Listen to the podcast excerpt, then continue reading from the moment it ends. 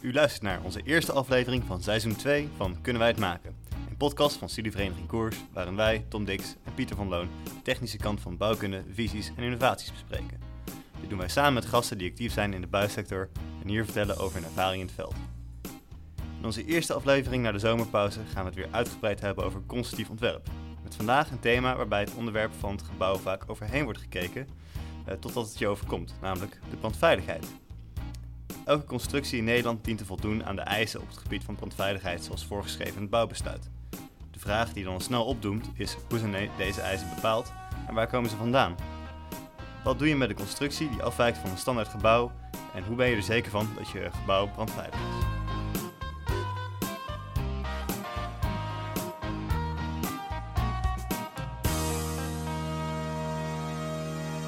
We zijn dus alweer aanbeland bij de eerste aflevering van het tweede seizoen. Eerste aflevering, dus uh, we slaan het terugblikblokje even over.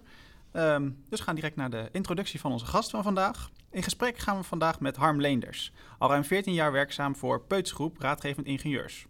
De groep bestaat uit vier adviesbureaus met locaties nationaal en internationaal. Ze hebben de filosofie hun kennis te vergroten door wetenschappelijke ontwikkeling, ook wel onderzoek genoemd. Harm is uh, hoofd van het onderzoekscentrum voor brandveiligheid bij Peuts en is in die hoedanigheid ook lid van de NEN-commissies brandproeven. Welkom Harm. Ja, dankjewel. Fijn dat ik, uh, dat ik uitgenodigd ben hier. Altijd leuk om uh, een nieuwe specialist te hebben, dus uh, van harte welkom. En hoe ben je zo in het brandwereldje verzeld geraakt? Waar komt je interesse van brand vandaan? interesse voor, voor brand zit er al, al, al heel lang in. Vanaf mijn jeugd al. Gewoon lekker um, stoken. Lekker uh, brandveiligheid uh, als, als, als, als werk. Uh, nou, dat is toch wel met een omwegje gegaan. Ik heb in Eindhoven gestudeerd. werktuigbouw. Beetje vloek in de kerk hier natuurlijk. Maar, en uiteindelijk bij Peus terechtgekomen. geluid en trilling gedaan. Mm -hmm. industrieloai. En uiteindelijk eigenlijk via, via het ingenieursbureau in de, in de brandveiligheid gerold. Oké. Dus ik heb het met een omweg bereikt. Ah, oké. Want uh, geluid in trillingen was helemaal uitgezocht? Of er was enorm vraag voor brandveiligheid? Uh, de vraag was groot. Ik ben in uh, 2003 afgestudeerd. hier aan de overkant, bij het Fontis. Mm -hmm. Wat nu recentelijk gesloopt is, waar nieuwbouw komt. Oké, ja. Um, en um, ja, toen ben ik in, heb ik eerst nog een paar jaar bij, bij een, bij een, bij een fijn mechanisch bedrijf gewerkt. En toen bij Peuts terechtgekomen. Mm -hmm. En daar werd, uh, ja, in, de, in de crisisjaren na, na 2008 werd, werd geluid en industrielawaai werd wat minder, uh, er was wat minder werk. En brandveiligheid was toen al, uh, toen al heel druk. Dus op die manier ben ik wat intern verschoven. Ja, een, ja. Beetje, een beetje intern omgeschoold. En, Ja, uiteindelijk moet je het, het, het vak ja, leren door het te doen. Dat geldt eigenlijk voor, voor alle, voor, voor alle ja, uh, werk voor, iedereen die, ja, die bepaalde specialisme ontwikkelt. Mm -hmm.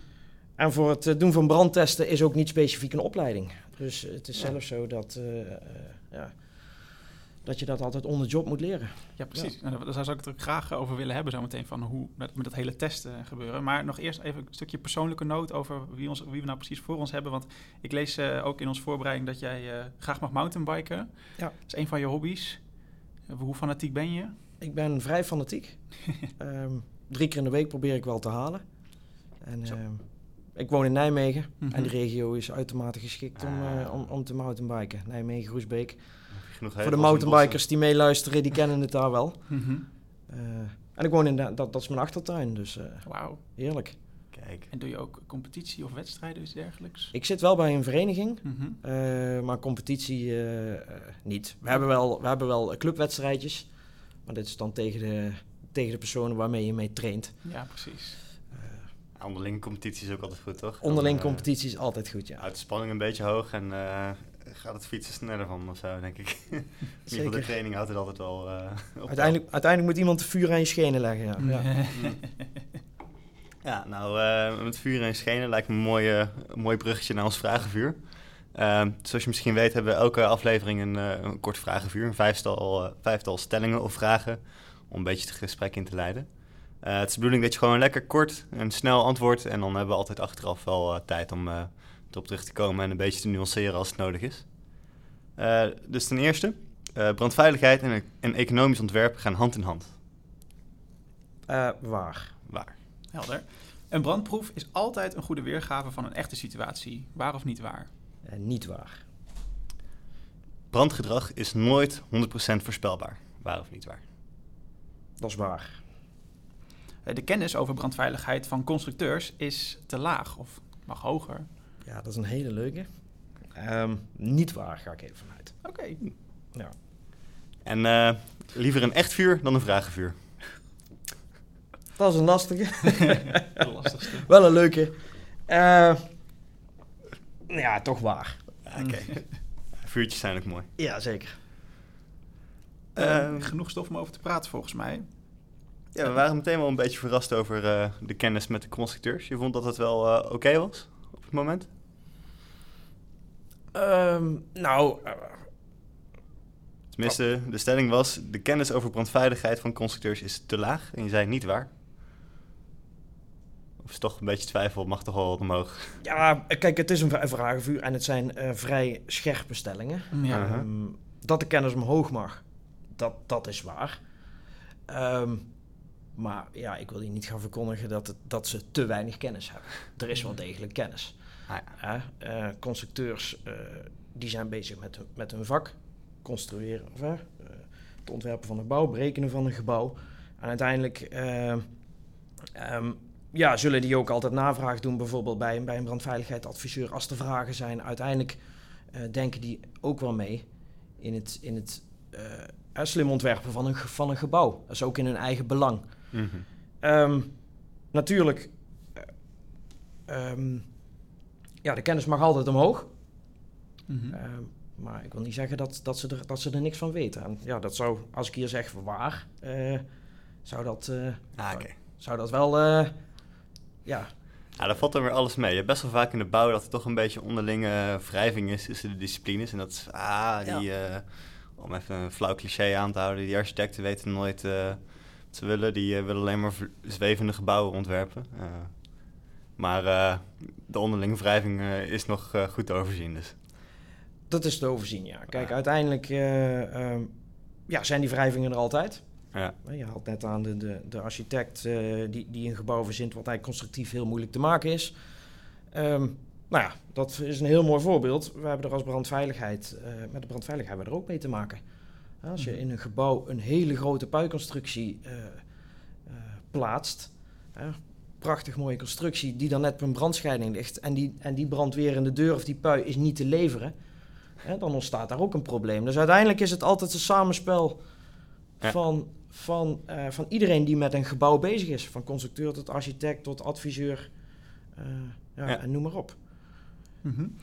Heel goed. Ik denk dat het ook nogal goed is om even bij de basis te beginnen. In die zin, eh, welke, als we het hebben over brandveiligheid, hè, en dan echt in de gebouwde omgeving. En wij zijn nu vooral op het constructieve gedeelte dan gespecialiseerd. Welke aspecten moet ik dan denken waar jij je dan zo vooral mee bezighoudt? Ja. Ehm, uiteindelijk ehm ja, moet een gebouw voldoen aan het bouwbesluit. Mhm. En via allerlei eh NEN-normen, Nederlandse normen, eh, wordt, eh, worden allerlei. ehm, eh, eh, moet- moeten, producten bi- binnen een gebouw moeten aan, aan bepaalde prestaties voldoen. Ja. En moet een gebouw op een bepaalde manier worden opgebouwd. En uiteindelijk zijn er, zijn er dus drie dingen waar naar gekeken wordt.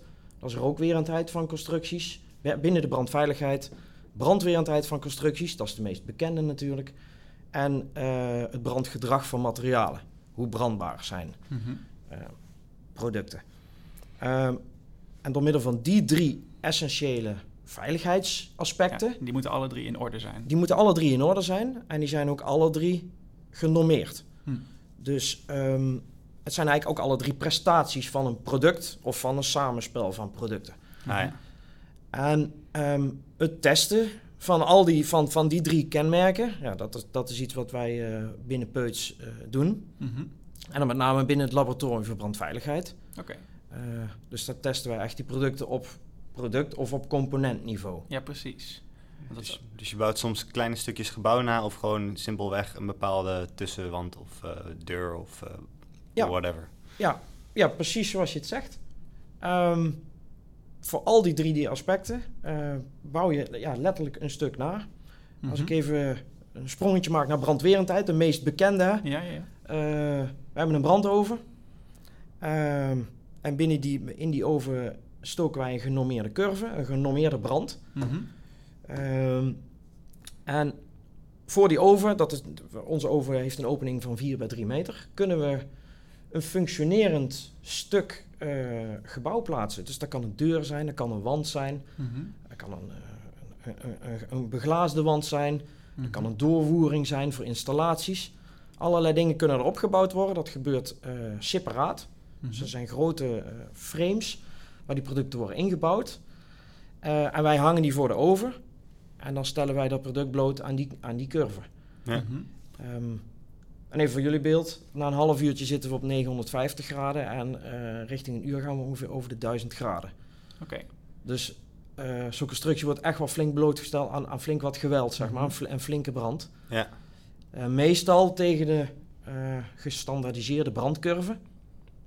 Dat is een curve die eh, ja, is, is bedacht als standaardbrand. Mhm. En op die manier worden de meeste constructies beproefd. Het leuke eh, is, het moet echt een functionerend geheel zijn. Dus de deur die wij zouden beproeven, dat is een vo- volledig eh, functionerende deur. Hij moet ook voorafgaand aan de test 25 keer open en dicht. Dan moet hij nog sluiten. Ja. Eh, en wij meten dat ding helemaal op. Wij meten echt, we nemen, brengen hem helemaal in kaart. Mhm. En uiteindelijk ehm, ehm, ja, doe je die test en volgt uit die test ook een toepassingsgebied van die deur. Mhm. Ehm even kijken, ja, hoe, moet, hoe moet ik dat... Hoe moet ik dat eh, Maar als we het dan bijvoorbeeld over een deur hebben, als je precies wil weten hoe goed die is, eh, stel ik me zo voor dat de wand die je er omheen bouwt, want je opening is eh 3 bij 4 meter, zei je geloof Ja. ik. Eh, dan maak je die wand, neem ik aan, heel erg brandwerend. Ja. Of, eh, of isolerend, of allemaal, eh, ik weet niet. En dan kan je precies zien met hittecamera's of zoiets, of hoe meet je zoiets eigenlijk bij zo'n brandproef? We meten een aantal dingen bij zo'n brandproef. Ehm, we meten eh, inderdaad temperatuur. Dat doen we met thermokoppels, die plakken we op de constructie. Ah. En die meten eh, hoe warm die deur wordt. Ehm, Zo'n deur of een andere constructie eh, mag binnen de meeste normen eh, 180 graden warmer worden dan de starttemperatuur. Dus Hm. als het 20 graden is bij de start van de test, dan is het rond de 200 graden. Hm. We meten de straling van zo'n constructie, van een deur, van, van, een, van een wand of van een, van een ander product.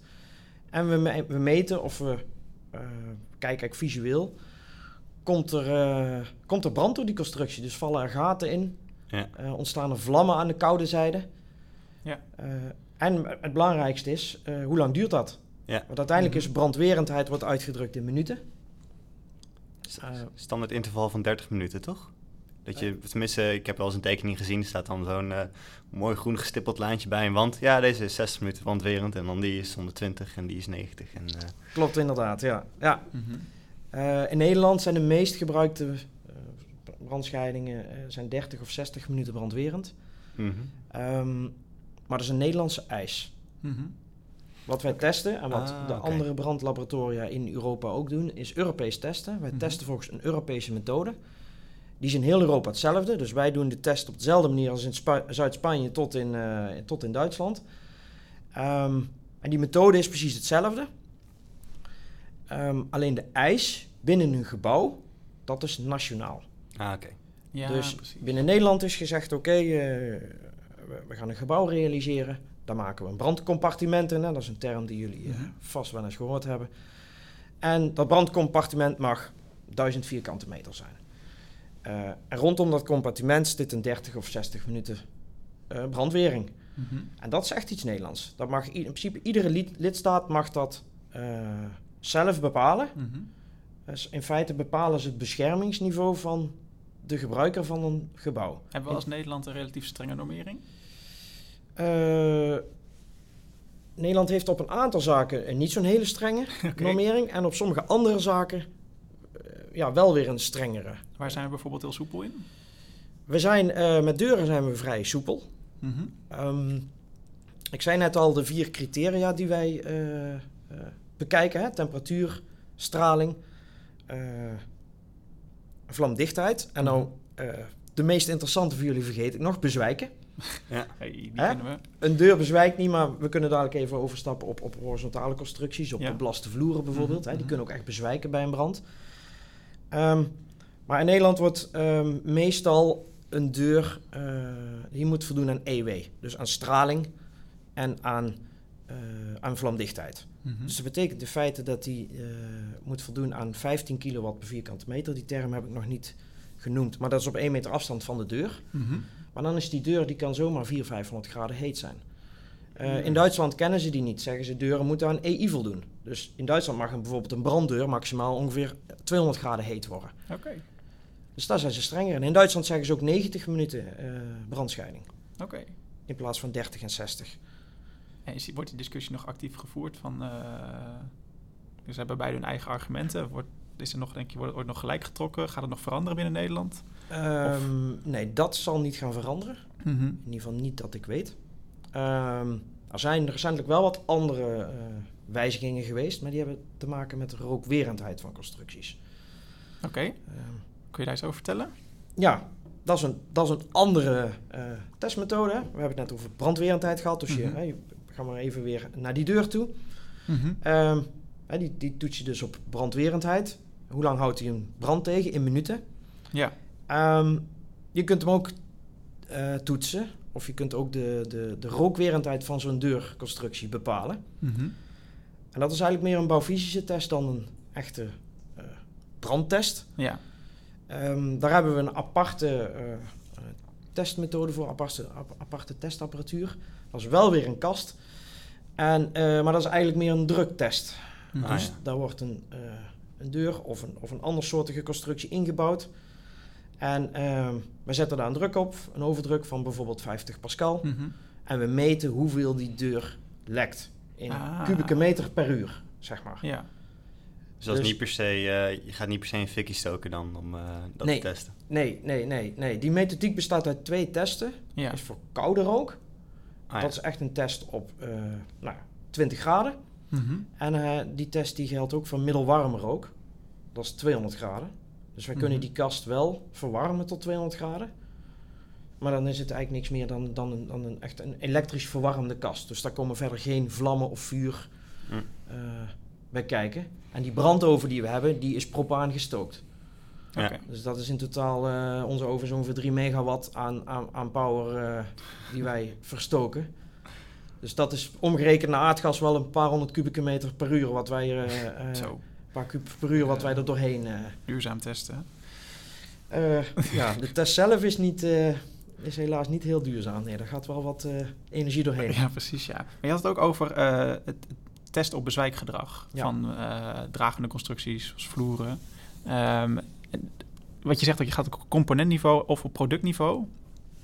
Testen jullie ook nog steeds vaak ja, vloersystemen? Is dat aan de orde? Ja, dat is aan de orde. En hoe gaat zo'n test? Hoe ziet zo'n test van een vloer er bijvoorbeeld uit? Ehm, zo'n- je kunt je voorstellen dat die test van die deur waar we het net over hebben, dat is een verticale test. Ja. staat de oven verticaal. Mhm. die deur die eh, is volledig functionerend. Wij kunnen de oven eh, plat leggen. Wij kunnen hem hydraulisch plat leggen. Maar er zijn ook laboratoria die hebben gewoon hele grote horizontale ovens. Die hebben separate ovens voor Mhm. horizontale testen. En dat betekent dat een producent van een, van een, van een element, hè, dat, kan, dat kan een, een, producent van, van, van, van, van betonplaten, van eh, allerlei soorten systemen, eh, maar ook samengestelde constructies, hè, eh, houten vloeren Hm. met, met brandwerende gipsplaten eronder bijvoorbeeld, of ander soortige plaatmateriaal wat eigenlijk de constructie Mhm. beschermt.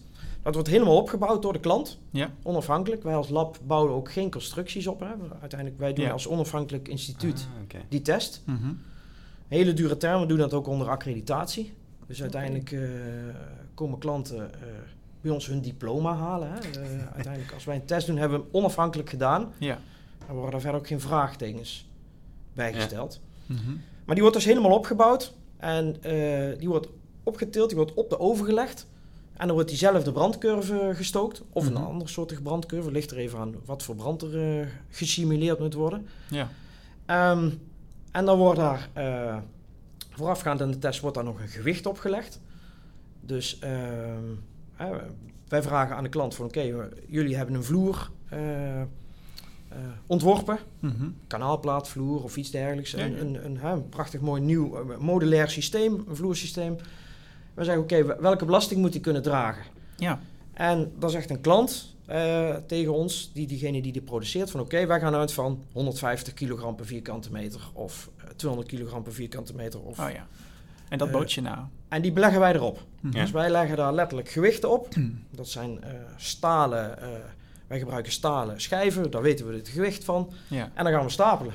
Ja, lekker simpel. Nee, je kunt je voorstellen, we hebben een oven van 3 bij 4, is 12 vierkante meter. Maal eh 200 kilogram per vierkante meter is dat toch... de- wij leggen er echt wel een paar ton eh, gewicht op tijdens zo'n test. Mhm. Ehm, En dan test je tot bezwijken. en dan testen we een zwijk. zijn Oh. wel de mooiste testen om te zien. En dan heb je die hele zooi de oven in. Eh, we hebben wel wat voorzieningen getroffen dat wij niet heel de oven eh, beschadigen. Of in ieder geval zo min mogelijk. ja. Want het is een destructieve test. Mhm. Dus uiteindelijk eh, gaat die oven van ons heeft geen eindig leven. Nee. We hebben best wel wat onderhoud eraan. Maar we moeten ook in de oven meten. Dus we moeten in de oven ook de thermo- temperatuur meten. Daar zitten thermokoppels ook in. Mhm. En die zitten op, eh, op, op stalen eh, eh, ja, geleidingsarmen, zeg maar. Mhm. En wij moeten bijvoorbeeld op een bepaalde afstand onder een vloer meten. Dus wij moeten eigenlijk de temperatuur, de blootstelling van het proefstuk, moeten wij bijvoorbeeld op 10 centimeter onder de vloer meten. Mhm. En daar hangt eigenlijk onze meetapparatuur. Nou, je kunt je voorstellen als de vloer instort Oh ja. en die gewichten komen naar beneden, dan, ja, dan is de kans groot dat die sensoren in ieder geval mee Mhm. kapot gaan. ja. Ehm, maar wij hangen die gewichten. Wij hebben een soort van eh, ondersteuningsframes die we dan weer eigenlijk weer daarbovenop. eh Oh, die leggen. vangen hem op. en daar hangen we ze wel op. Oké. Dus je hebt een 5 centimeter speling of zoiets. Ja, we zorgen dat ze een centimeter of 30 kunnen vallen. Mhm. Ah, En dan hangen ze eigenlijk, eh, dan, dan komen ze tegen het, het, het eindpunt aan, tegen de eindstop. Mhm. En dan blijven ze hangen, want anders vallen ze nog een meter dieper in de oven. En dan, eh, ja, dan heb je echt wel flinke, Ja, flinke schade. als er een paar ton staal naar beneden valt elke keer als je een test Ja, doet, plus, eh, plus ook nog de constructie. Ja. Ja, Ja, je kunt je voorstellen als je een, als je een staaldak hebt met glas eh, of iets dergelijks eh, daarop. Hè, en, eh, ja. eh, dan heb je ook nog heel wat, eh, heel wat kilo's aan glas en staal. Staal zal nooit in de oven vallen, hè, want dat gaat gewoon vervormen. Maar Ja. het glas gaat wel degelijk kapot. Dat valt wel in de oven.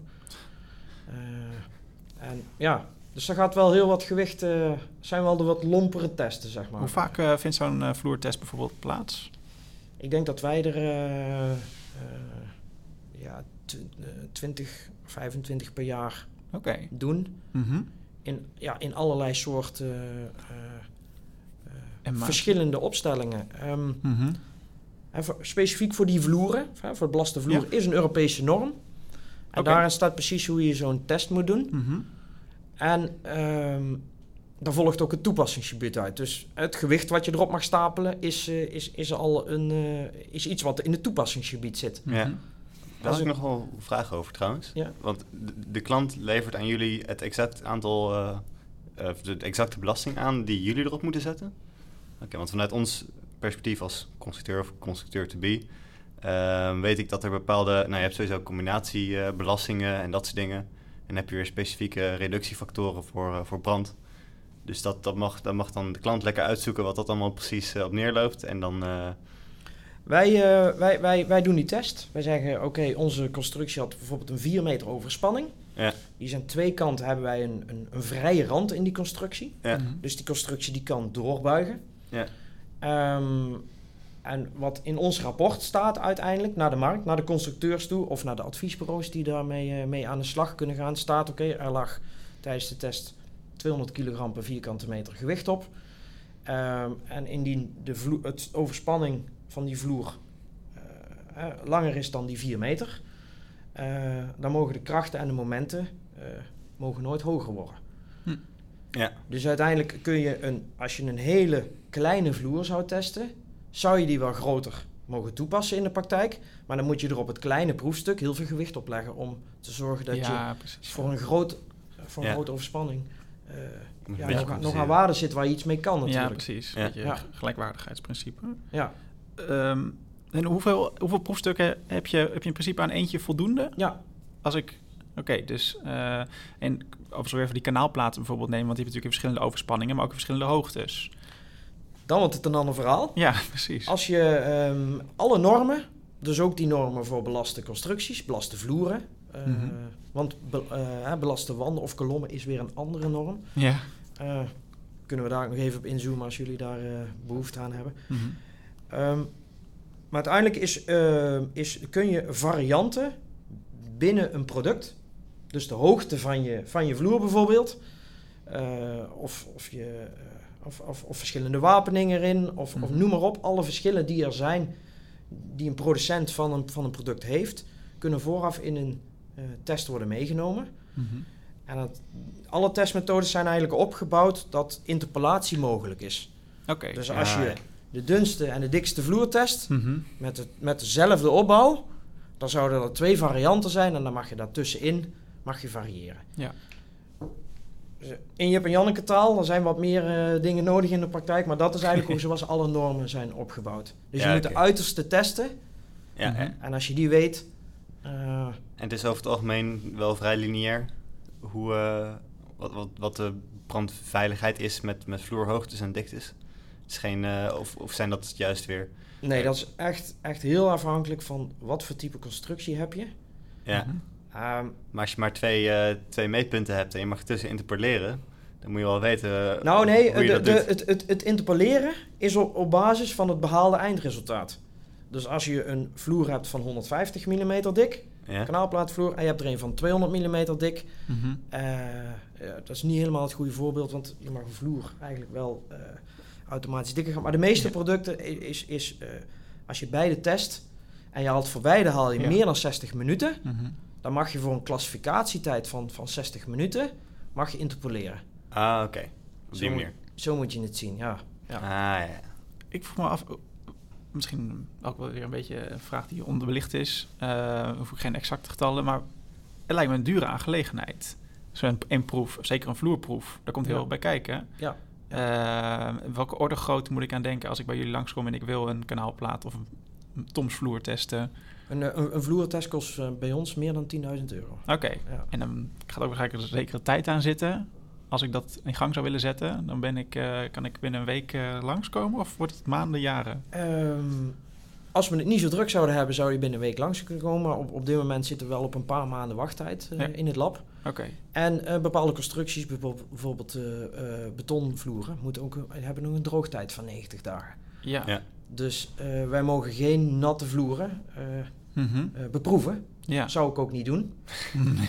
Want je kunt je voorstellen, dat als een vloer heel vochtig is, dan, ja, dan gaat de beton zich zeker anders gedragen dan dat het heel droog Ja. zou zijn. Dan vraag ik me af, omdat het zo'n kostbare aangelegenheid is... en ook omdat we dus net al geconstateerd hebben... dat brandveiligheid soms nog wel ja, niet als de hoogste prioriteit door sommigen wordt gezien... Ehm, ik kan me voorstellen, omdat zeker ook, we hebben het over, over vloeren... voor ons een heel bekend fenomeen... die je als systeem kunnen zien, hè, dus echt als product... en die kan de fabrikant van het product verkopen... en die haalt daar... dan is het die proef waard... want die gaat dan heel veel vloeren daarvan verkopen... want hij is gecertificeerd, mooi... Maar je ziet ook heel veel ja, vloeren in het werk die gewoon altijd weer maatwerk zijn. Die, die zijn zoals een breedplaatvloer, componenten, de, ja, twee Ja. schillen. Wie, wie, wie, wie, ja, dat is elke keer een ander verhaal, lijkt me. Hoe wordt, hoe wordt dat gecertificeerd? Ja. Ehm, niet, eh, we, hebben, we hebben het nu over de, het, het testen van, van, van, van bijvoorbeeld eh, betonvloeren. Mhm. Ehm, niet alle vloeren hoeven getest te worden. Er zijn ook methodes eh, via de eurocodes. Mhm. Of er zijn ook vloeren die je via eurocodes kan, kan een bepaalde brandwerendheid kan meegeven. Mhm. Maar als je inderdaad een, een, een modulaire vloersysteem ontwikkelt, Ja. en dat is iets waar geen gegevens van zijn, Mhm. zul je als producent wel die test moeten doen. Ja. Ehm, en als het inderdaad een aantal varianten heeft, Mhm. ehm, dan zul je zelfs twee of meer testen moeten doen. ja. En eerder Ehm, kun je ook niet de markt op. Als je het netjes doet, niet. Nee, nee, nee want uiteindelijk ja, zijn niet, zijn, zijn, is de brandwerendheid van, van zeker ook van belastingconstructies, Mhm. moeilijk te voorspellen. Ja. En, ehm, nou ja, en, je voldoet, en je voldoet niet aan de regels. Kijk, Nee. uiteindelijk heb je een, eh, een gebouw dat moet voldoen aan het bouwbesluit. Mhm. En een bouwbesluit verwijst via een aantal Nederlandse normen Mhm. naar een brandwerendheidseis Mhm. Ja. van alle constructieonderdelen. Of het nou een wand of een vloer is, of een doorvoering of een deur. Ja. Alles wat in zo'n gebouw zit, zal een bepaalde brandwerendheid moeten hebben. Mhm. En je kunt niet als, als producent eh, zelf maar een brandwerendheid daarbij eh, Nee. declareren of eh, verzinnen. Nee. Want wat je wel eens ziet is dat, nou, het is niet dat dat gebeurt, maar dat je bijvoorbeeld even gaat experimenteren voordat je grote kosten gaat maken met je eigen vloer. En eh, je legt er gewoon eh, betonblokken van jezelf op. Je gaat testen en eh, je gaat je eigen barbecue eronder zetten. En gooit wat spiritus op. En dan zeg je van, nou kijk, ik ben er met mijn trekker overheen gereden en hij houdt nog steeds. Ja. Nou, dat is veel zwaarder, veel minder professioneel en wetenschappelijk. Maar dit, hij is echt enorm aan de tand gevoeld. Dus dat zal het wel houden. Maar daarmee zeg je dus eigenlijk van... Nou, dat is ook echt niet, eh, dat mag je echt niet toepassen. Het moet echt gecertificeerd zijn. Ja. Wil je het toepassen eerst in een echt gebouw. Ja, ja. En dan moeten ze bij jullie langskomen. Of bij een van de meer dan 50 andere laboratoria binnen Europa. Uiteindelijk zijn wij één van de, van de partijen die dit soort testen doen. Eh, Dat is weer het gemak van de Europese norm natuurlijk. Maakt Ja. niet zo heel veel uit. Ja, het is ook, we spreken ook in een Europese taal. Kijk, uiteindelijk ehm, krijgt zo'n vloer, krijgt, als die 60 minuten brandwerend zou zijn, krijgt hij een klassificatie mee. Hè. We- Uiteindelijk haalt hij een resultaat in minuten, bijvoorbeeld 68 minuten. Maar dat wordt omgezet naar een klassificatie van zo'n vloer van Ja. 60 minuten. En daar staan, eh, daar staan letters voor. Ja. Eh, hè, EI60, misschien wel ooit gehoord, Mhm. EW60. Ja. En als hij ook aan, eh, als hij niet bezwijkt, staat er ook een R voor. Mhm. Dus een vloer is vaak REI, 60 Ja. minuten of 120 of, of 240. Hè, want het Europese systeem gaat door tot 240 minuten. Lang genoeg. dus als er een land is wat zegt van ik wil mijn burger eh, heel erg beschermen, dan zeggen ze 240 minuten zou een eis kunnen zijn. En Maar je gaat heel duur bouwen, Ja, precies. maar ja, uiteindelijk is dat altijd een keuze per land, wat ze eigenlijk als eis. Want weer daarover gesproken, ehm, als je het hebt over ja, de, de, de aantal minuten die een constructie moet volhouden, eh, heb jij een beetje inzicht over hoe die tot stand zijn gekomen? Van waarom eh, hebben wij, eh, wat, wat zijn sowieso een beetje de variaties? Want ik geloof dat bijvoorbeeld bij een, een, een personenhuis, of gewoon een huis waar een eengezinswoning, zitten volgens mij helemaal geen eisen aan de constructie voor hoe lang die moet kunnen blijven staan. Ehm, in bepaalde gebouwen zal het langer zijn. Ik kan me voorstellen dat bij hoogbouw het weer nog wat langer is. Ja. Ehm, enig idee hoe die minuten zijn bepaald? Eh, ja, uiteindelijk ehm, is dat, eh, is, wordt gekeken naar het eh, no- normatief brandverloop. En ja, dat bestaat uit verschillende componenten. Hè, detectie, alarmering en ontruiming. Mhm. Wanneer kan de brandweer aanwezig zijn? Wanneer kan het pand leeg zijn? En, en, en, en al dat soort zaken. Mhm. Ehm, en uiteindelijk wordt per gebouw wordt gekeken van oké, wie zijn er aanwezig in de bouw? Zijn die zelfredzaam? Of eh, zitten die aan het bed gekluisterd? Ja. zijn dat studenten van, eh, die allemaal eh, eh, makkelijk kunnen vluchten of niet? Eh, eh, hoe, aan basis van al die gegevens maakt een brandveiligheidsadviseur maakt een plan voor zijn pand. Die zegt daar liggen de brandscheidingen. Hm. Dit is de ontvluchting. En dat wordt ingediend bij bevoegd gezag, Ja. bij de gemeente en de veiligheidsregio of de brandweer. Toetst uiteindelijk altijd brandveiligheidsconcept van zo'n pand. Ah, ja, ja. Dus Ja, een eh, ziekenhuis en zo heeft natuurlijk meer, eh, meer eisen en meer ja, zorg en secuur nodig dan... eh, Ja, ja, ja. Hm. Je kunt je voorstellen dat op zeker op plekken waar, waar mensen eh, slapen die ook minder zelfredzaam zijn, dat je daar gewoon hogere eisen hebt. Mhm. Ja. En dan komt ook die rookwerendheid die, nu, die, die relatief nieuw is, eh, komt daar weer om de hoek kijken. Mhm. Want voor die mensen is het nou net extra belangrijk dat ook Hmm. rook zich niet verspreidt in het pand. Ja. Eh, Doen jullie, doen jullie zelf, zelf ook eh ontruimingsplan adviseren? Of ontwerpen als zelfs? bedrijf wel, ja. Eh, is, is ook een, een adviesbureau. Ja. Ehm, Dus het kan bijvoorbeeld zijn dat eh, een, een, een, een ontwerper die komt er niet uit. Zegt van ik loop hier vast op de brandveiligheid. Ik, ze zijn, ja, kom er niet uit. En dan komen jullie eh, ingevlogen met een eh, ontruimingsadvies. Of je zegt van nou als je die muur wat dikker maakt, dan zit je daar weer wat veiliger. Of ehm, niet helemaal. Ehm, hoe ziet dat eruit? Omdat wij deze testen eh, doen als, als, als onafhankelijke instantie, Mhm. eh, bemoeien wij ons, de mensen die binnen het brandlaboratorium werken, bemoeien zich niet met advisering. Nee. Omdat we dat niet mogen. We hebben natuurlijk strikte geheimhouding. Wij zijn bezig met eh, productontwikkeling. Mhm. of, eh, wij, zijn, wij zijn zelf niet bezig met productontwikkeling, maar wij testen nieuwe producten van klanten. Ja, precies. die ze op de markt willen brengen. Mhm. Dus wij, eh, wij kunnen niet wat we hebben geleerd in het lab Ja.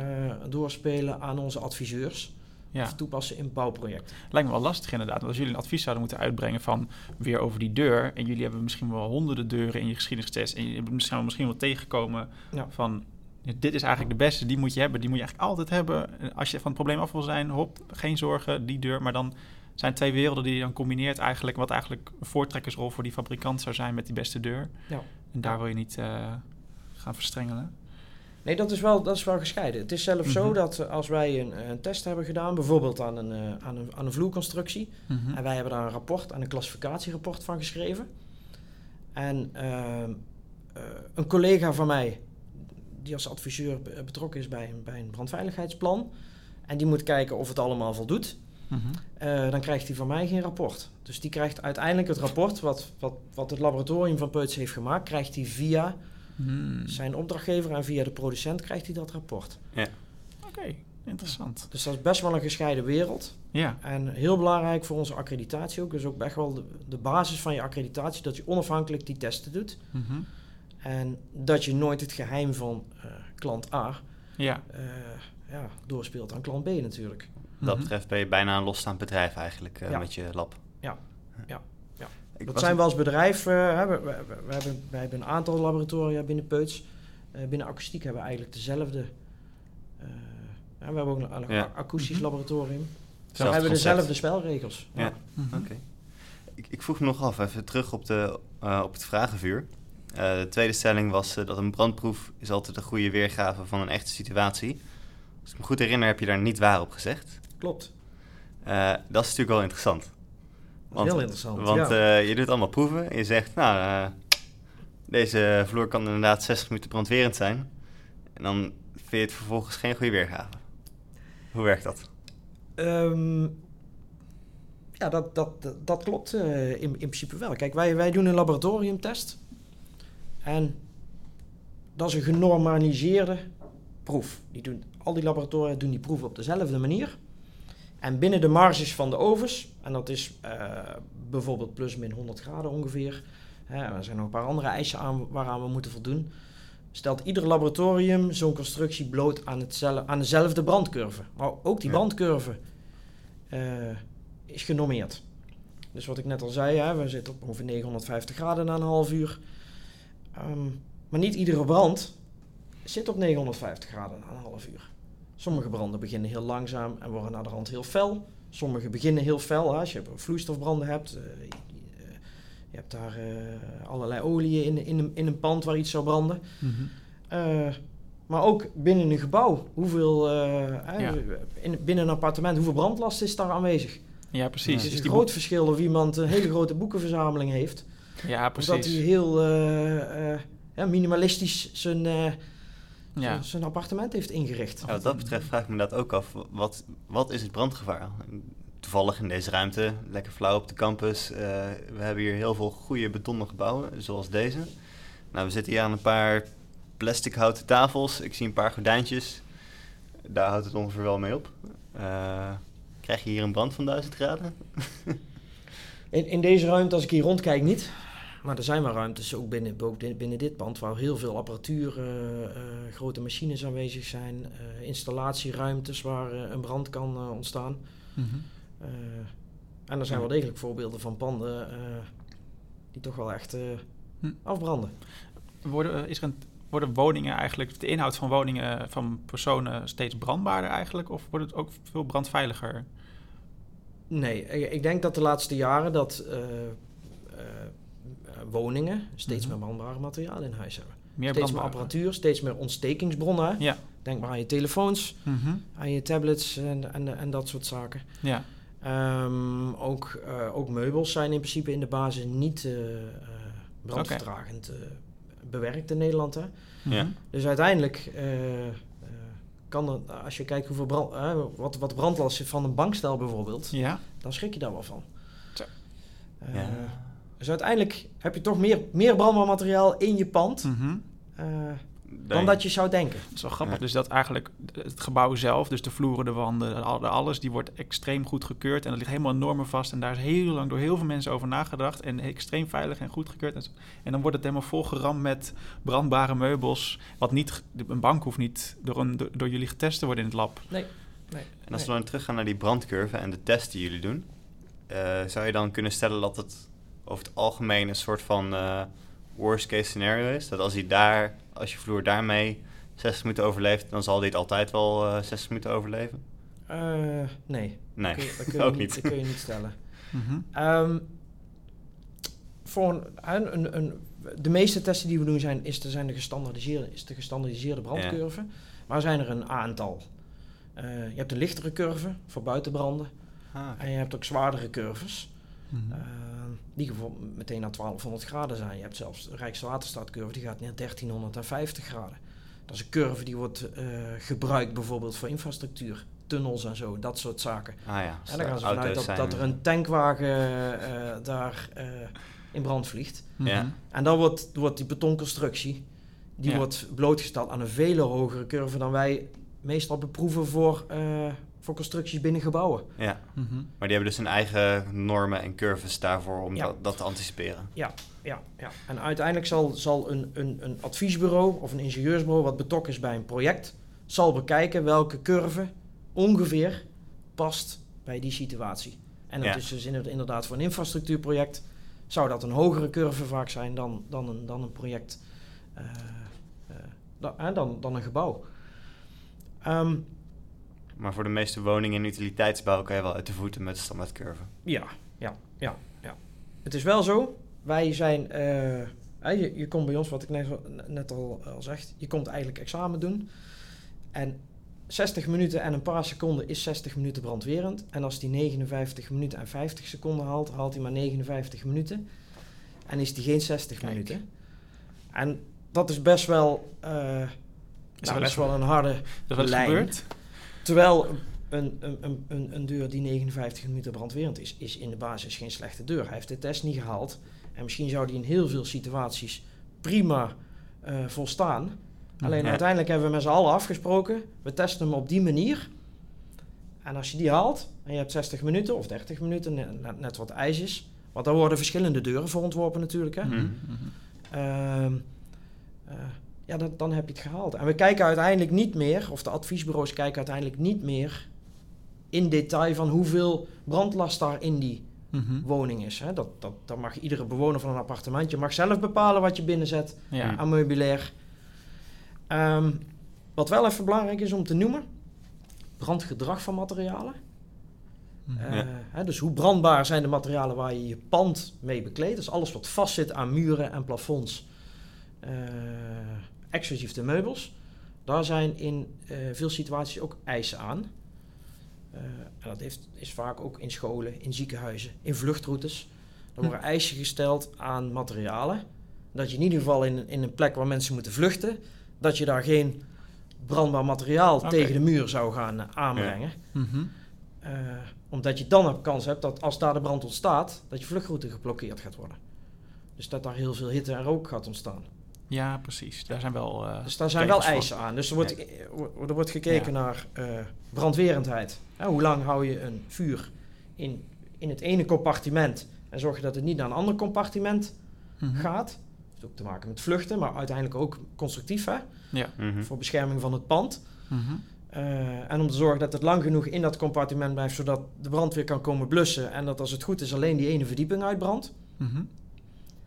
Eh, maar er zijn dus ook eisen aan de brandbaarheid van je materialen waarmee je je pand eh, eigenlijk Ja. aankleedt. Daar wou ik eigenlijk nog een vraag over stellen, als ik daarop in mag gaan. Eh, ik had het nog even opgeschreven los. Ehm, als, als je mij vraagt over brandveiligheid, dan moet ik vooral denken aan dat moment waarin, zoals in 2017 in Londen, toen de wereld even werd wakker geschud, geschud op wat betreft brandveiligheid. Want dat, toen was de Grenfell Tower, eh, ja, die stond in licht en laaien op een gegeven moment. Kun je even toelichten wat daar precies gebeurd is? En ook wat voor gevolgen dat heeft gehad op normeringen, misschien ook voor Nederland en voor Engeland? Ja, ja. Nou ja, wat er precies gebeurd is, dat is bij mij ook niet bekend. Ehm, en wilden een nieuwe gevel... eh, Daar is, daar is eh, wat we weten is dat die naar de hand, die, dat pand is gerenoveerd. Ja. En er, is een gevel, er zijn geveldelen vervangen. Semi ervoor gezet. En ehm, ehm, daar zijn ook in Engeland eisen aan. En uh, ja, wat blijkt is dat die niet helemaal, of niet, dat die niet zijn nageleefd. Hè? Je hebt de resultaten daarvan Ja. gezien. Uh, maar uiteindelijk zijn er ook eisen op gevels in Engeland, maar ook in Nederland. Ehm, en ehm, ja, die hebben een aantal za- zaken te maken. Die hebben met brandwerendheid te maken. Mhm. Dus als je eh, brand hebt in een, in een appartement en een brand, eh, eh, je krijgt een uitslaande brand. Uiteindelijk is de bedoeling dat hij niet bij de overbuurman via Nee. de gevel weer naar binnen komt. Dus er is een eis aan de brandwerendheid van die gevel. Ja. Eh, en er is ook een eis aan de brandbaarheid van die gevel. Dus diezelfde eis die ik net besprak aan de binnenkant van het pand zit ook op de buitenschil. Ja. Ging het totaal mis dus eh, daar. Het in- in binnen... Daar ging het, daar ging het eh, ernstig mis. Ja. Eh, En waarom heeft het kunnen gebeuren? Ehm, daar, is, daar is uiteindelijk een brand ontstaan en daar is die brand in de gevel terechtgekomen. Mhm. En daardoor is die, eh, ja, al die verdiepingen omhoog kunnen gaan eh, binnen een hele korte tijd. Ja. En Engeland heeft er ook maatregelen aan verbonden volgens mij. Want sindsdien is, is dat type gevel ook niet meer toegestaan om mee te isoleren. Ja, Engeland had al maatregelen, dus Mhm. dat, type, dat type gevel daar was al niet toegestaan. Kijk. Eh, en zo'n type gevel, als dat in Nederland gebouwd zou gaan worden, zou het ook niet toegestaan zijn. Oké. Dus uiteindelijk is het ook aan een brandveiligheidsadviseur. Hij die krijgt een voorstel voor een gevel. Dat komt van een constructeur of van een architect of van een bouwer. En die zeggen, zo ga ik die gevel bouwen. En dan wordt Mhm. er altijd gekeken van, oké, wat zijn de eisen? Brandbaarheid van die gevel. Kan die, kan, die, kan die brand door de gevel heen van buiten naar binnen of van binnen naar buiten? Mhm. Wat is de brandbaarheid van een gevel, hè? Ja. Eh, brandklasse B, misschien hebben jullie hem wel eens eh, voorbij Ja. horen komen. Een voorbeeld zou kunnen zijn dat als je een pand hebt en je zou een hele brandbare gevel aan de buitenkant hebben zitten. En je hebt onder wat qua jongens die daar een, eh, een, een fikkie stoken tegen, tegen de onderkant van die gevel aan. En hij schiet in de fik en je krijgt in één keer een hele grote uitbreiding van je brand over het oppervlak. Mhm. Ja, dan ga je tot een onbeheersbare situatie komen. Dus die brandklasse is ook vooral van oké, we weten dat hij weinig brandbaar is. Mhm. Dus hij is niet 1, 2, 3 aan te steken. Ja. Eh, uiteindelijk is alles aan te steken. Tuurlijk, als daar echt een grote brand voor die gevel plaatsvindt, gaat ook die gevel in de fik. Ja. Maar niet meteen, hè? Dat, Nee, dat zit ook weer, een- zit weer een vertraging in. Ja. Alles om te zorgen dat uiteindelijk een brandweer Mhm. eh, kan zorgen dat het weer uitgaat. Ja. Eh, en los van de brand, brandwerendheid en het brand, eh, hè, de, de brandbaarheid van de gevel aan de buitenkant, Mhm. ja, zal altijd opgelet moeten worden of dat er in die, in die gevel eh, Mhm. geen hele grote schoorsteen aanwezig is. Hè, Een open Ah, spout ja. tot aan boven toe. Oh, ja. Ja, ja, ja. Mhm. Ehm, maar Maar dat testen we niet. Dat testen we niet. Nee. Maar uiteindelijk zal iedereen die bezig is met, met het ontwerpen van een veilig pand, daar op moeten letten. Ja. Dus Nou- dan moet om de, om de paar verdiepingen kan daar een, een, bijvoorbeeld een barrière in. Zou een oplossing kunnen zijn. Ja. Nou weet ik dat, eh, of dat heb ik ook onlangs, eh Zembla, eh, journalistiek programma, die daar ook volgens mij een aflevering aan over de brandveiligheid. Ook weer naar aanleiding van die Grenfell Tower in Engeland. Dat is een soort van, ik weet niet of echt een noodklok werd geluid in Nederland van ook hier de hoogbouw, hoge torens die bekleed worden met relatief snel onvlambare gevels die je eigenlijk niet zou mogen toepassen, zou je daar niet in willen wonen, want het is niet veilig. Werd wel was, nou, het werd wel eh, de risico's aangekaart volgens mij. Ehm, waar ook in diverse fabrikanten werden geïnterviewd van hè, test wat jullie doen, is dat wel echt veilig? Is het in jouw inziens ook eh, dat echt met risico's spelen? En is er een sprake van een noodklok die geluid is en wordt en moet er veel veranderen in Nederland wat dat betreft? Ehm, kijk, alles, alles heeft te maken met. ehm, ehm, uiteindelijk zijn, eh, kun je met geteste producten, hè, die in de basis eh, goed voldoen, Ja. kun je gewoon een combinatie. De, de niet oplettende constructeur Mhm. of, of, of, of designer van, van een pand of adviesbureau. Eh, je kunt met in de basis goede producten een slechte gevel maken, bijvoorbeeld. Ja. Eh, maar je kunt ook met in de basis brandbare producten een goede gevel maken. Mhm. Dus je kunt met, eh, hè, want, want daar werden bij, bij Zembla werden natuurlijk gevels met, met ook EPS daarin eh, Ja. aangehaald. Mhm. Eh, je kunt door die EPS voldoende te beschermen tegen, eh, eh, tegen brand. Mhm. eh, door ze af te schermen met bijvoorbeeld plaatmateriaal eh, en, en, en dat soort zaken. Kun je het dusdanig lang beschermen dat je gewoon dezelfde brandveiligheidsniveaus behaalt als met andere constructies. Ja, oké. dus wat je zegt, het product is niet zozeer slecht. Het gaat om de combinatie. Het gaat om de combinatie en de toepassing. Mhm. Kritisch kijken naar het ontwerp. Hoe zit het eh, in elkaar geschroefd? Eh, nou, het toepassen zoals het ook toegepast mag worden. Ja. Dus eh, hè, een laboratorium doet een test. En die zegt uiteindelijk in, zijn, in het rapport staat van dit mag je met het product. Mhm. En als je het op die manier toepast, Niks aan dan kun je gewoon een, veilig, een veilige situatie maken. Ja. Kijk, ik hoef jullie niet, niet, niet eh, uit te leggen dat als je eh, een, een gevel maakt met, met in, in de basis een, een, een, een materiaal wat brandbaarder is dan, dan bijvoorbeeld steenwol. Mhm. Eh, maar als je dat helemaal afschermt en je zorgt dat het niet warm wordt en niet kan smelten en überhaupt niet kan branden, Mhm. dan kun je daar best wat een, veilig, eh, een veilige gevel mee maken. Mhm. Maar als dan uiteindelijk in de uitvoeringsfase er een in- installateur komt die zegt, ja, maar dan moet ook nog een ventilatiesysteem door en die boort daar zo'n gat door die gevel heen zonder enige voorziening, ja, dan heb je daar je zwakste punt. Ja, En op dat punt zou een brand dus ook in die gevel kunnen schieten. Ja. Ja. En eh, als, je, als je het hebt over brandbare gevels, eh, zijn groene gevels nog een, eh, een punt van aandacht? Dat is een hele leuke vraag.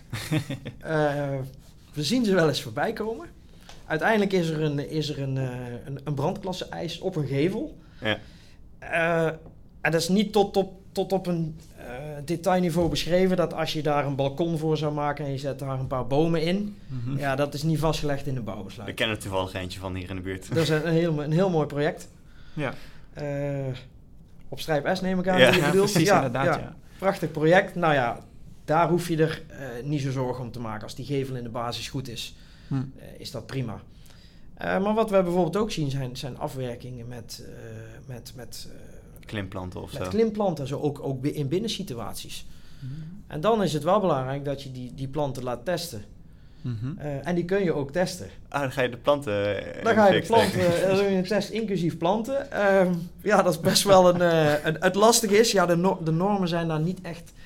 eh, die voorzien daar niet echt in. Nee. Ehm, kijk, wij moeten een, een proefstuk moeten wij onder geconditioneerde eh, condities beproeven. Mhm. Ja, als je een, eh, een, een, een, wand hebt met, met, met, met klimop, Mhm. ja, moet je die eerst drogen of niet? Hè, Ja. Kijk, stel dat het, dat het inderdaad een, een, een wand zou zijn met gedroogd, met dood materiaal, Ja. dan zou je het wel kunnen beproeven. Maar een levende plant, ja, wij, wij kunnen een levende plant beproeven, die zal niet branden. Nee. Maar na een hete zomer en, eh, en de bewoners hebben die planten geen, eh, geen water gegeven en alles zou dood zijn, ja, dan zou je wel een... eh, Ja, dan is weer brandstof. ja. Oké, Ja. dus dat is dan een beetje Maar dit, op, op gevoel van de veiligheid van de ingenieurs, zeg maar. Ja, dat is echt eigenlijk een vraag voor, voor, ook voor adviesbureaus. Ja. Ehm, we zouden dode planten zouden we kunnen beproeven. Ja. Die dan vaak ook nog met impregneermiddel zijn bewerkt. Hè? Want natuurlijk dood materiaal, organisch materiaal brandt best wel goed hè? in de Ja. basis. hoef ik jullie niet uit te leggen. Mhm. Eh, dat zou je kunnen beproeven. Ja. Maar levende planten kun je in principe niet... niet eh, En, en het andere grote eh, plantenonderwerp en vuur eh, is natuurlijk hout. Eh, helemaal hip, helemaal mooi. ja. Ehm, je had het al heel even over dat je ook eh, wel eens eh, houten vloeren test, vaak nog met gipsplaten erbij en zo. Ja. Ehm, maar het is ook vooral architecten en, en ook mensen, bewoners, vinden het wel vet om eh, bijvoorbeeld CLT-wanden helemaal open en bloot te zien. ja. Eh, nou, die ga je niet in de brand krijgen met een lucifer ernaast. Eh, maar wanneer brandt zoiets wel? Die brandt, als je die blootstelt aan de, aan de curve, brandt die, eh, brandt die eh, heel goed. Mhm. Ja. Eh, maar nu is de, de basis in de hout is geen, geen slecht materiaal qua brandeigenschappen. Mhm. Eh, het is best wel goed voorspelbaar. En wat wij zien ook in het testen met, eh, met, met inderdaad ook belastingconstructies met hout. Eh, zolang het hout. eh, je, je, je, kunt daar ook, je kunt daar zelfs aan rekenen. Je Ja. weet hoe snel hout inkoolt en hoe snel het zijn kracht verliest. En zeker als je houtconstructies beschermt met plaatmateriaal. eh, ja, dan, dan is hout in de basis een heel goed product om daar ook brandveilig mee te bouwen. Het wordt niet zo slap als het een beetje warmer is. Het, Het wordt niet slap, het buigt niet door. Hè. Wij zien bijvoorbeeld ook, want wij meten dus ook tijdens een test meten wij ook de doorbuiging en de Ah, doorbuigingssnelheid. Hè. Ja. Dus wij zien het moment van falen ook vaak aanko- aankomen, omdat Ja. het dan steeds sneller eh, door gaat eh, buigen. Je ziet dat houten constructies echt tot, tot het laatste moment toe eh, heel stabiel en recht blijven. Mhm. Ah, ja. Staalconstructies die worden zo krom als een hoepel. Dus dat is, dus dat is Dus dat is een groot verschil. Hè? Als, ze, als ze blootgesteld zijn aan vuur, maar staalconstructie kun je ook beschermen met plaatmateriaal. Mhm. Dus uiteindelijk geldt ook voor hout is, als je het in de basis gebruikt als ja, constructiemateriaal, is het, eh, is het heel goed. Eh, maar je moet het soms wel beschermen als je echt serieuze eh, kolommen hebt waar gro- grote belasting op zit. Ja, dan kan het zijn dat je ze moet beschermen. Ja. Mhm. Volgens mij wordt in de praktijk vaak ook wel dan met een, dat extra laagje waar je het over had, over de verkoling, dat is dus voorspelbaar. Er wordt volgens mij vaak ook wel mee gerekend dat de constructeur dan zoiets heeft, oké, eigenlijk heb ik genoeg aan een kolom van eh 300 bij 300, Ja. maar vanwege de brandeis maken we er even 400 bij 400 van of Ja. zoiets.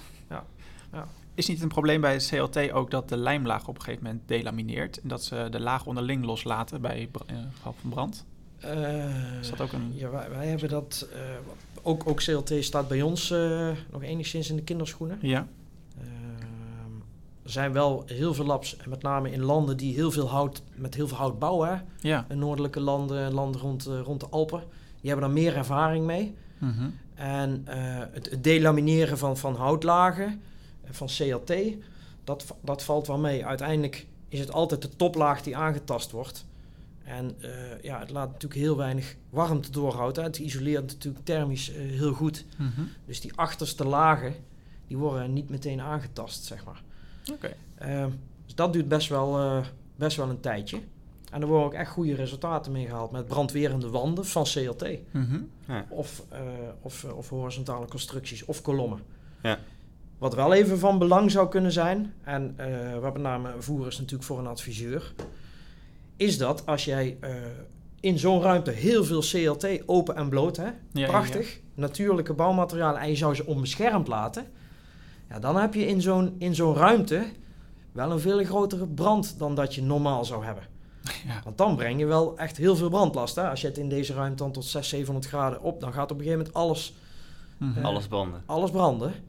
En dan is die brand een heel stuk heftiger dan, dan de ruimte waar we hier zitten. Wat eh, hè, vrij kaal is, beton, ruw.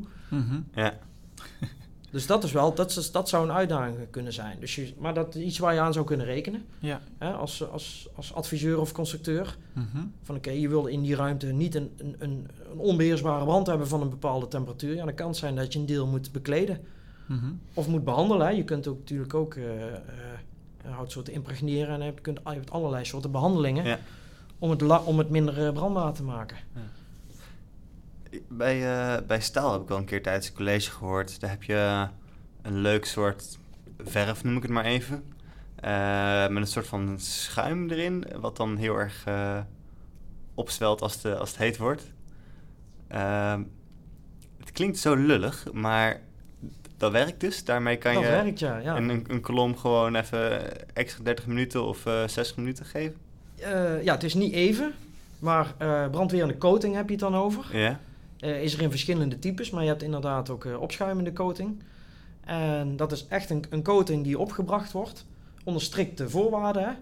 Bepaalde laagdikte, hè? dat moet allemaal gecontroleerd worden. Dus uiteindelijk wordt het ook getest. Hè? Dus als je zo'n test zou eh, doen, dan test je die ook met een bepaalde laagdikte. En dat betekent dat die er in de praktijk ook op moet zitten. En hoe meer coating je erop zou doen, vaak haal je dan ook een hogere brandweertijd. En ja, die wordt echt centimeters dik. Er oh, wordt een- centimeters Er wordt echt een witte, een witte beschermingslaag Mhm. isolatielaag. En die zorgt dat het staal eh, Ja. onder de kritische staaltemperatuur blijft. Hè? Want uiteindelijk is dat de truc. Zorg dat je onder die maximale temperatuur blijft. Dat je pand eh, intact blijft. Ja. En, En, ja. na, na, en nagelang hoe eh, lang je brandwerendheidsijs is... Ja, komt daar dan meer coating op te zitten. Oké. En dat heb je voor liggers, dat heb je voor kolommen. Dat heb je voor Mhm. allerlei soorten situaties, ja. Is vaak wit, hè, die coating. Maar hij kan ook transparant zijn. Oké. Oké, grappig. Ja. Ja, best wel een elegante oplossing. Hm. Ja. Het is, een, het is eh, een elegante oplossing. Maar ook een prijzige oplossing volgens mij. Zeker als je centimeters dik wil. Ja, maar de coating zelf, als je hem, als je hem aanbrengt, zeg maar, is die geen centimeters dik. Ah, nee, juist. oké. oké. Dus als hij warm wordt, dan... Als hij warm wordt, dan gaat hij expanderen. Ja, precies. En dan zorgt hij eigenlijk voor, gewoon voor een isolatie. Een hele Mhm. poreuze isolatielaag met, met, met eh, lucht, eh, luchtbelletjes erin, zeg maar. Mhm. Maar die coating blijft volgens mij al een kostbare ingreep. Ja, maar ja, aftimmeren, aftimmeren kan ook kostbaar zijn natuurlijk. Is ook, eh, en het is wat minder fraai. Ja, ja precies, ja. Als jij een mooie eh, glazen gevel met eh staalconstructie hebt ontworpen, dan Ja, Wil je die misschien wel even in het zicht houden? Misschien ben je al Ja. redelijk in de papieren gelopen. Dan kan het er nog wel bij. Dat ook. Ik zag trouwens dat al, weet je, eh, de tijd vliegt zoals gewoonlijk. Eh reet interessant, maar wat ik zeker nog even wil benoemen, wat ik wil vragen, nog even over wil hebben, eh, is dat je ehm, naast Peuts eh mountainbike, maar geef je ook les Klopt. eh, op, brand, op gebied van brandveiligheid. Kun je daar iets over vertellen, wat, eh, wat je doseert en hoe dat eruit ziet? Ja, wij eh, binnen het, eh, het, het laboratorium hebben we allemaal een, eh, een, een specialisatie. Mhm. En ik ben zelf eh, best wel veel betrokken bij het, het testen van doorvoeringen. Mhm. Installatiedoorvoeringen, zoals je ze hier in het pand ook overal ziet. Kijk maar eens rond, als je de brandkleppen ziet, zie je vaak ook overal van die, van die, van die afscheidingen. En als je kunststofbui ziet, zie je brandmachetten zitten. Hè. Dat zijn eigenlijk ook manieren om een brand eh, in één compartiment te houden. Hm. En nou ja, voor, voor dit werk zijn geen opleidingen. Je kunt nergens een opleiding volgen tot, eh, hè, tot, tot, tot testen van, van, van constructies. Mhm. Dus wij zijn als laboratorium aangesloten bij een Europees eh, club van brandlaboratoria. Die gezamenlijk een test eh, hè, voor, de, voor de medewerkers gezamenlijk een opleidingstraject hebben opgezet. Mhm. Welke club is dat? Dat is de e-golf. Oh ja. Dat is de, een Europese organisatie voor, voor certificeerders en, voor- en voor testinstituten. Mhm. En eh, ik geef daar samen met een collega eh, de opleiding voor, voor, voor brandwerende doorvoeringen. Oké. Dus daar komen mensen uit heel Europa en zelfs ook tot, tot, tot buiten Europa. Er zijn een aantal landen buiten Europa die ook de Europese eh, systematiek van testen hebben geadopteerd. Hè, die Ah, ja. ook die testen gebruiken. Omdat ze zelf eigenlijk geen testmethode hebben ontwikkeld. Mhm. Ehm, en die komen dan die opleiding volgen. Oké. Dus er zijn eigenlijk concurrenten die dan in Nijmegen Allemaal komen leren hoe je die testen moet doen. En uiteindelijk het doel is ook, het, het heet ook een harmonisatiecursus. Ja. Dus uiteindelijk is het ook een harmonisatiecursus om, eh, zodat de testen Mhm. eh, binnen al die laboratoria op dezelfde manier Ja, precies. Dus gedaan het worden. hè, zodat je gewoon een, een, een, eerlijk speelveld krijgt en niet dat je bij een lab A toch net even een wat ander resultaat krijgt, omdat de norm anders geïnterpreteerd Ja, precies. Dus het is niet per se een peutsopleiding. Het is echt gewoon een hele brede norm. Ja. Genormaliseerde opleiding. Ja. Die ook door Peuts wordt gehanteerd en gedoseerd. Ja, ja. En het leuke van die opleiding is, hij is, hij is ook open voor derden. Oké. Dus meestal is eh, 30 tot 40 procent ook producent. Hm. Er zijn best wel wat producenten die ook eh, zelf een eigen laboratorium hebben. Aha, ja. Hè, die doen eerst zelf eh, in-house allerlei testen om te zorgen dat ze hun product netjes eh, in orde hebben. En dan Mhm. gaan ze pas naar een, eh, naar een officieel laboratorium om het, eh, om het te laten eh, Ja. beproeven. Klinkt wel wat efficiënter, ja. Dat klinkt efficiënter. Ja, ehm, hè, brand is toch eh, zeker op, op, op, op constructies waar staal in zit. eh, eh, ja, soms toch wel een stukje trial and error. Hè. De constructies worden krom, gaan kapot. Mhm. En dat is moeilijk, eh, moeilijk te voorspellen. Het is ook niet altijd van tevoren te voorspellen door middel van berekeningen, zeg maar, hoe Ja. een constructie zich gaat, ge- gaat gedragen. Nee, abso- absoluut niet. Ehm, en je doseert en je zit ook in een NEN-commissie sinds kort. Klopt. Daar nog iets over vertellen? Eh, ja, ja, ja. Ehm, ja, er zijn natuurlijk allerlei normen die van Europa, vanuit Europa komen of vanuit eh, eh, Nederland. En die worden daar bekeken, behandeld eh, en, en deels ook geschreven. Dus je bent wel, ja, we blijven daar goed op de hoogte daardoor. Ja. Hè, wat er speelt. Mhm. En ik zeg al, wij, wij kunnen niet adviseren aan klanten hoe ze een product moeten verbeteren. Dat mogen we niet. Mhm. Maar we kunnen wel een klant adviseren hoe ze heel slim een testprocedure op kunnen zetten. En daardoor is het Ah, gewoon ja. belangrijk dat je gewoon bij alle normcommissietjes aansluit. Dat je weet wat er gaat gebeuren. Hè, wat zijn de nieuwste trends? Waar gaat het naartoe in de toekomst? Mhm. Ja, cool. Kun je, zou je een trend kunnen toelichten? Wat is nou echt... Ja, ja wat, wat, wat, wat, voor brandveiligheid trends zijn er nu gaande? Eh, op dit moment binnen Nederland eh, is, is, eh, is dat, is een, dat is een ongoing trend, zeg maar, is echt de rookwerendheid van constructies. De rookwerendheid. Ja, die Mhm. is pas sinds eh, eh, 1 eh, juli dit jaar, hè, dus een paar maanden geleden, is die aangescherpt, die eis. Voorheen was het zo dat in een aantal situaties mocht je voor je rookwerendheid van je constructies, mocht je zeggen, hij is brandwerend, dus hij is ook rookwerend. Maar dat heeft voor een aantal constructies, klopt dat vrij aardig, maar voor een aantal constructies heeft dat eh, ja, niet heel veel met elkaar te maken. Hè, die zijn echt wel brandwerend, maar die, die, roken, die roken flink. En eh, ja, sinds 1 juli is dus die norm die we net bespraken met die, met die, lucht, die luchtdichtheidstest is echt aangewezen. Hmm. eh, in een bouwbesluit via eh, de NEN 6075, een Nederlandse norm, waar je zegt van zo moet je hem testen. Ja. Oké. Dus daar zijn we op dit moment erg druk mee. Eh, er is nog wel een, ook een, eh, ja, een aantal klanten die hun hele productgamma Mhm. eh, nu getest moeten hebben, eh, willen hebben. Dus dat is in Nederland een trend. En in Europa is echt CLT, net al even, is, is echt een trend. Er komen nu de eerste aanvragen ook binnen. Oké. Dus dan gaan we even kijken hoe we dat, hoe we dat willen en gaan beproeven. Ja, leuk. Want dat is nog wel, kan voor ons ook wel een uitdaging zijn, omdat wij moeten binnen, met onze apparatuur natuurlijk binnen de specs blijven. En we moeten binnen die curve, we mogen niet te heet, niet te koud. Mhm. En als wij heel veel brandbaar materiaal in de oven hebben, dan kan het zijn dat ons, ons eh, tijdens de test dat dat dus wordt. eigenlijk gaat bijdragen. En wij moeten dan technisch gezien moeten wij natuurlijk minder gas toevoeren.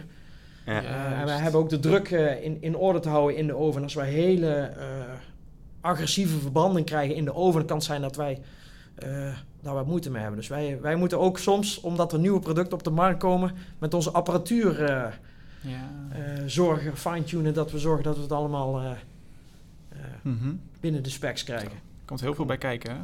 Duidelijk.